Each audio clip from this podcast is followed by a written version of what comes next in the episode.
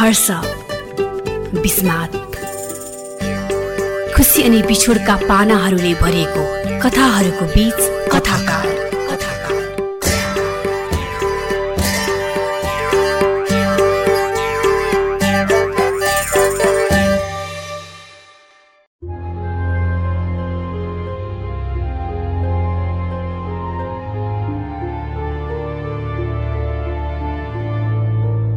सिद्धार्थ। आजभोलि म उसको नाम धेरै नै सुनिरहेको थिएँ। विशेष गरी हाम्रो टोलमा बिहान चिया पसलदेखि राति भुन्टीकोमा समेत सिद्धार्थको चर्चा कहीँ छुट्दैनथ्यो को हो सिद्धार्थ? कस्तो देखिन्छ? कहाँ बस्छ? कसैलाई उसको पत्तो हुँदैनथ्यो उसको वास्तविक नाम पनि सिद्धार्थ होइन रे। उसको त आफन्तलाई पनि थाहा छैन रे। ऊ सिद्धार्थ हो भनेर।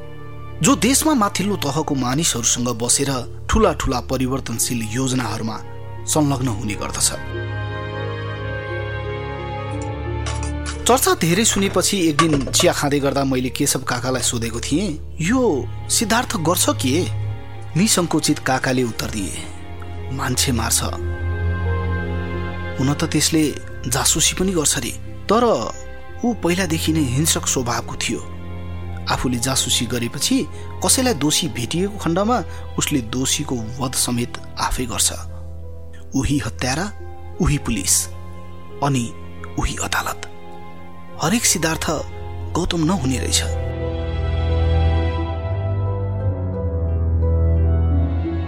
केशव काकाले यो पनि थपे? अस्ति त्यो ठुलो व्यवसायी दिनेश श्रेष्ठको हत्या भएको थियो नि। हो त्यसको फाइल पनि सिद्धार्थले नै हेर्दै रहेछ। तपाईँलाई यो कुराहरू कसरी थाहा हुन्छ? मैले काकालाई सोधेँ। सिद्धार्थलाई चिन्ने निकै थोरै मान्छे मध्ये एक मेरो साहु पनि हो। ऊ कहिलेकाहीँ हाम्रो साहुलाई भेट्न आउँछ गोप्य रूपमा। भित्ताको त कान हुन्छ म लगायत मेरो मित्रहरूको छैन होला भन्न सकिन्न। मैले शङ्कास्पद रूपमा उनलाई फेरि सोधेँ के तपाईँले उसलाई देख्नु भएको छ काका? सायद देखेको हुनुपर्छ मैले पनि। तर पनि उसलाई चिन्ने मौका अहिलेसम्म मैले पाएको छैन। मेरो एकजना मित्रले चिनेको थियो रे। हट्टाकट्टा थोरै दारी पालेको लामो लामो कपाल अनुहारमा थुप्रै कोठीहरू भएको। उसको कुरा अनुसार ठ्याक्कै तँ जस्तै। तँ जस्तै देखिन्छ रे सिद्धार्थ।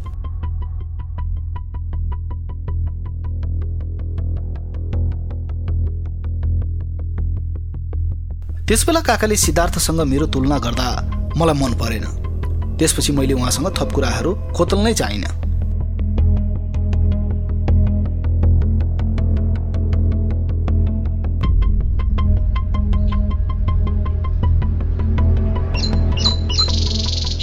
दिनेश श्रेष्ठ एकजना जल्दो बल्दो व्यापारी जसको केही दिन अघि मात्र आफ्नै जन्मदिनको पार्टीको बेला कसैले टाउकोमा गमलाले हानेर निर्मम हत्या गरेको थियो। अहिलेसम्म पत्र पत्रिकाले त्यो खबर छापिरहेकै छ। यति समय बितिसक्दा पनि प्रहरीले केही सुराग नभेटिएको भनी हत्या र पत्ता लगाउन नसकेको कुरा पत्रिकामा उल्लेख हुने गरेको छ। बिहान चिया पसलमा चिया पिउँदै गर्दा केशव काका आफ्नो कार्यालयतर्फ लागेको मैले देखेँ। मलाई उनले भनेको कुरा सम्झना आयो। अब दिनेश श्रेष्ठको हत्या र पत्ता लगाउने काम सिद्धार्थको। सायद प्रहरीले हत्याराको नजिक पुग्न नसकेकोले यो केस सिद्धार्थको पुल्टामा गएको हुनुपर्छ। अहिलेसम्म सिद्धार्थले आफ्नो हिसाबले छानबिन सुरु गरिसकेको हुनुपर्छ। उसको छानबिन गर्ने शैली फरक छ।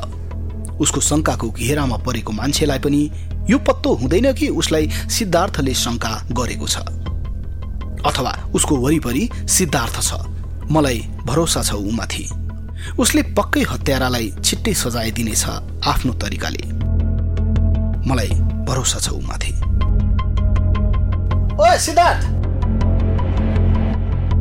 चियापसले मतिर हेरेर कराएका रहेछन्। होइन? कुन रहस्य खोल्ने सोचमा टोलाइरहेको छस्? मलाई उनले त्यसरी बोलाएको मन परेन। मनको छेउ गएर कसैले नसुन्ने गरी भने तपाईँलाई कतिचोटि भनौँ मलाई यहाँ यसरी यो नाम लिएर नबोलाउनुहोस्। कसैले सुन्यो भने को छ र यहाँ तर म बाहेक। चियापसले भन्छन् कोही होस् या नहोस्। यो नाम मेरो लागि उच्चारण हुनु भएन। ध्यान रहोस् पसलेलाई थोरै क्रोधित भएर यति भन्दा उनको अनुहार हेर्ने लायकको भएको थियो।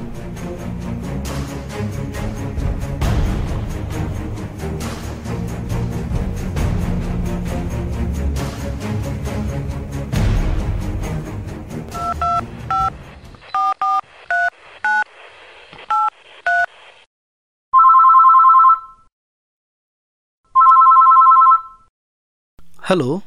फोन उठाएपछि मैले उताबाट उसको आवाज सुने। के छ? मैले प्रश्न गरेँ। के हामी भेट्न सक्छौँ? उसले उताबाट सोधी। विवाह भएपछि यो दोस्रो चोटि उसले मसँग भेट्न खोजेकी थिए मैले सदा चाहिँ उसलाई नाइ भन्नै सकिनँ।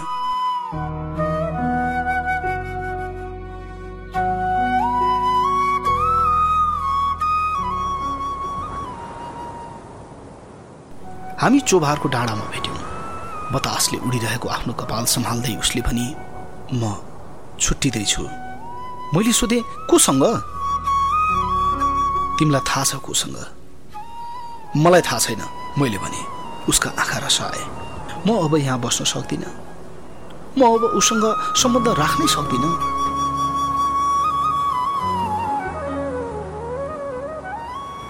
यही फैसला एक वर्ष अगाडि तिमीले लिएको भए मैले सोधेँ। ऊ केही बोलिन। आँसु बगिरह्यो उसको। अहिले यस्तो कुनै कदम नचाल यो उचित समय होइन। मैले भने म पर्खन सक्दिनँ। उसले भने तिमीले पर्खनै पर्छ। मैले भने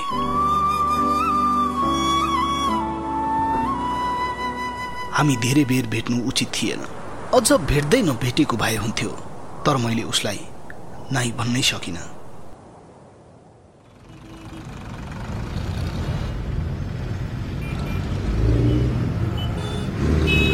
मलाई केशव काकालाई भेट्नु छ?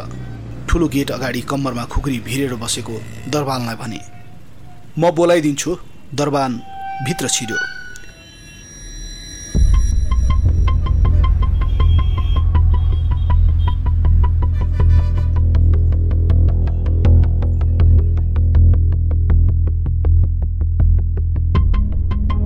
केही बेरपछि केशव काका बाहिर आएर मलाई भित्र लिएर जानुभयो। काकाको कार्यालय ठुलो थियो। निकै वर्षदेखि उहाँ यो कार्यालयमा काम गरिरहनु भएको थियो। पिउनको रूपमा ठुलो मान्छेकोमा काम गर्ने सानो पदका मानिसहरूलाई आफ्नो मालिकको बारेमा धेरै कुरा जानकारी हुन्छ। त्यही भएर सायद केशव काकालाई आफ्नो साहु र उनको र सिद्धार्थको मित्रताको बारेमा धेरै कुरा थाहा थियो। खै त काका साउसँग भेटाएर मेरो लागि जागिरको कुरा गरिदिन्छु भनेको त जुग भयो नि। कहिले हुन्छ मेरो कुरा? कहिले आउँछ मेरो पालो? त अहिले नआत्ती अहिले साउको मुड राम्रो छैन? दिनेश श्रेष्ठको हत्यापछि मैले उनलाई विचलित भएको देखेको छु। तेरो कुरा गर्ने अहिले यो सही समय होइन। मतलब मेरो जागिर सिद्धार्थले रोकेको छ मैले सोधेँ। मेरो कुरा सुन्दा काका अन्यलमा देखिए। मतलब उनले सोधे। मतलब जबसम्म सिद्धार्थले दिनेश श्रेष्ठको हत्यारा पत्ता लगाउँदैन तबसम्म साहु खुसी हुँदैनन्। र मेरो जागिर पाउने सपना पनि पुरा हुन्न। होइन त काका? मेरो कुरा सुनेर काका मुस्कुराए। काकाले मेरो लागि चिया बनाएर ल्याउनु भयो र चिया पिउँदै गर्दा मलाई कोट्याएर उहाँले भन्नुभयो हेर हाम्रो साहु ऊ उहाँ नै हो। किचनको झ्यालबाट बाहिर हेर्दा मैले एउटा बुढो बुढो मानिसलाई आफ्नो केही कामदारहरूसँग कुरा गरिरहेको देखेँ।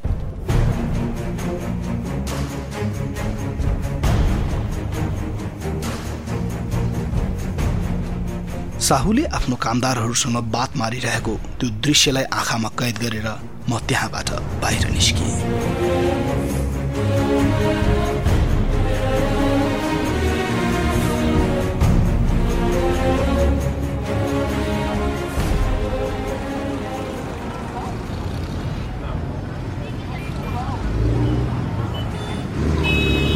साँझमा त्यो ठुलो गेटबाट चिल्लो गाडीको पछाडिको सिटमा बसेर केशव काकाको साहु बाहिर निस्किए? म उनको गाडीलाई आफ्नो बुढो साइकलले पछ्याउन थाले। साँझको समय बाटो भिड भएकाले गाडी कुद्न अलिक गाह्रो थियो। मेरो साइकलले उनीहरूलाई पछ्याउन गाह्रो भएन। मलाई नजर राख्नु छ उमाथि। ऊ कहाँ जान्छ? कोसँग भेट्छ?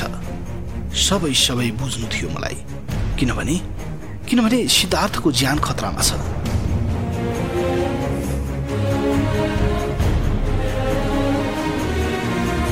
जुन हिसाबमा आजभोलि उसको बारेमा थोरै मान्छेले भए पनि गाई गुई गर्न थालेका छन् त्यो उसको लागि ठिक होइन।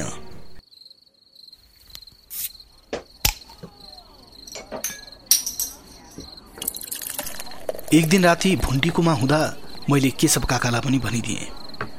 सिद्धार्थको ज्यान खतरामा छ। तँलाई यस्तो शङ्का कसरी भयो? कति नै सिद्धार्थको साथी नै हो जस्तो गर्छस्। तैँले चिनिया पनि छस् के? त्यसले चिन्छ तँलाई? तँलाई लागे जस्तो छ अब धेरै नपी। उनले मेरो कुरा नपत्याउनु स्वाभाविकै थियो तर म मातेको थिइनँ। आखिर उनलाई के थाहा? मेरो लागि सिद्धार्थ को थियो?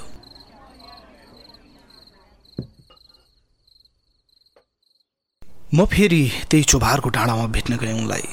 आज उनी अलिकति बढी नै चिन्तित देखिन्। कसैले मलाई पिछा गरिरहेको छ आजकल तिन चार दिन भयो उनले भने तिमी नआत त?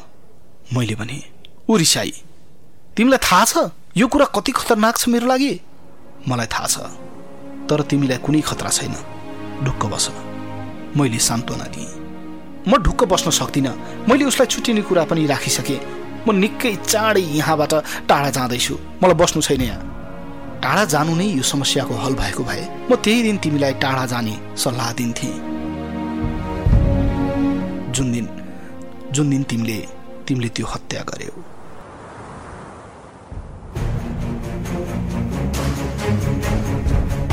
ऊ केही बोलिन। ऊ केही बोलिन मैले त्यसो भन्दा।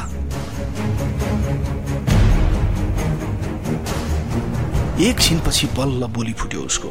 म त्यो घटना बिर्सन सकिरहेको छैन। के म आफै पुलिसकोमा जाउँ अह अह जरुरी छैन। तिमीले गल्ती गरेको होइन। उसको गल्तीको सजाय दिएको हो मैले भने। जसोतसो उसको चित्त बुझाएर पठाइदिएँ उसलाई। गल्ती त उसले गरेकी थिए। पहिलो गल्ती मलाई छाडेर ठुलो व्यवसायीसँग विवाह गर्नु। आफ्नो श्रीमानको साथी दिनेश श्रेष्ठको पार्टीमा भएको बेला उसले दोस्रो गल्ती गरी गमलाले नै नहानेको भए हुन्थ्यो। त्यो पनि टाउकोमा। तर हुन त दिनेश श्रेष्ठ यसकै लायक थियो। शौचालय जान लागेकी महिला जो आफ्नो मित्रको श्रीमती हो उसलाई एक्लै पारेर हात हाल्नै नहुने कसैले उचित चियाको आवाज सुनेन भनेर उसलाई तानेर आफ्नो कोठामा लगी जबरजस्ती गर्नै नहुने एउटी महिलामाथि दुर्व्यवहार गर्नेको सजाय त्यही नै हो। उनको केही दोष थिएन। जसको दोष थियो ऊ त मरिसक्यो उसले सजाय पाइसक्यो। धन्न त्यो रात उसले कसैलाई केही नभनी सिधै मलाई सम्झी र अचम्मको तरिकाले यो केस सिद्धार्थको हातमा पुग्यो। अब सिद्धार्थले उसलाई सजाय दिन सक्दैन। सिद्धार्थले कुनै न कुनै बेला कसैलाई प्रेम गरेको हुनुपर्छ। त्यो प्रेमकै लागि भए पनि उसले सजाय दिने छैन। आजभोलि फेरि एउटा नयाँ हल्ला आएको छ बजारमा। सिद्धार्थले एउटी युवतीलाई असाध्यै प्रेम गर्छ अरे कहिलेकाहीँ लुकी छिपी उसलाई भेट्न चाहँदो रहेछ। प्रेम जीवनमा सबैले गर्छन्। के सिद्धार्थ कि म?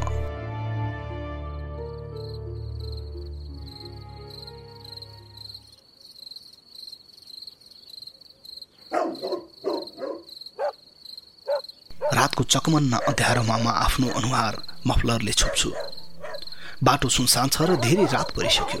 आफ्नो हातमा भएको खुकुरीलाई कसेर समातेको छु र भित्ता फालेर एउटा कम्पाउन्डभित्र पुग्छु। बत्ती कतै बलेको छैन। घरभित्रका सबैजना सुतिरहेका छन्। म बिस्तारै सिँढी चढ्छु र बरन्डा भएतिर लम्कन्छु। बिस्तारै एउटा झ्यालतिर पुगेँ। मैले चियाएँ। भित्र कोही सुतेको छैन जस्तो छ। म झ्याल ठेल्छु। झ्याल खुल्लै रहेछ। म भित्र छिरेँ। अचानक भित्र प्रेमालापमा ओछ्यानमा भएका जोडीको मतिर नजर पर्यो। दुवै मलाई देखेर अचम्म पर्दा नपर्दै म हातमा भएको खुकुरी प्रहार गर्छु। अन्धाधुन्द प्रहार गर्छु। म केही देख्दिनँ त्यो बेला। कसलाई लाग्यो? एकचोटि केटा कराउँछ एकचोटि केटी। म प्रहार गरिरहन्छु। उनीहरूको आवाज सुनेर अगाडिको घरमा बत्ती बल्छ। मेरो होस खुल्छ। त्यस बेला मलाई लाग्यो अब म भाग्नुपर्छ। म आकै बाटोबाट ढिला नगरी निस्किन्छु। पछाडि हल्ला हुँदै गर्छ तर म अँध्यारो बाटोमा बिलाउँछु।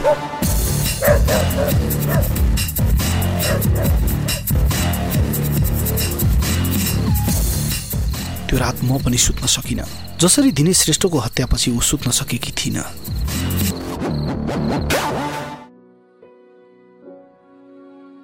तिमीले ढुक्क रहँदा हुन्छ अब। मैले भेट्ने बित्तिकै उसलाई भने कसरी? ऊ सोध्छे अब तिमीलाई कसैले केही गर्दैन तर तिमी पनि अब यो कुरा कसैले नभन्नु। तिमी र ममै यो कुरा सीमित रहनुपर्छ। उनले टाउको हल्लाएर चित्त बुझेको आभास दिए अब केही महिनापछि यहाँबाट टाढा गए पनि हुन्छ। मैले सल्लाह दिएँ। र तिमी चाहन्छौ भने म पनि तिमीसँग आउन सक्छु। ऊ रोन थाल्छे। मलाई खोइ किन हो? त्यो रातपछि निकै ढुक्क महसुस हुन थालेको छ। एक दिन केशव काकालाई कार्यालय जाँदै गर्दा बोलाएँ मैले। ढिला भएको छैन भने आउनुहोस् काका चिया पिउँ बुढा आएर कुर्सीमा बसे र मलाई सोध्छन् तैँले एउटा कुरा थाहा पाइस्? के कुरा काका? मैले सोधेँ जस्तो कि मलाई केही थाहै थिएन। अस्ति नै सिद्धार्थ मर्यो रे। खोइ प्रेमिकाको कोठामा दुवै मृत्यु फेला परे भन्ने गाई गई सुन्छु। पुरै कुरा त थाहा भएन? तैँले शङ्का गरेको ठ्याक्कै मिल्यो। कसरी गरिस् त्यस्तो शङ्का तैँले? कसले मार्यो होला उसलाई? किन मार्यो होला? ऊ त एक हिसाबले राम्रै काम गरिरहेको थियो। चिया सुरुप्प पार्दै भने सायद हत्यारा पत्ता लगाएर हत्यारा मार्ने शैली कसैलाई मन नपरेको हुनुपर्छ।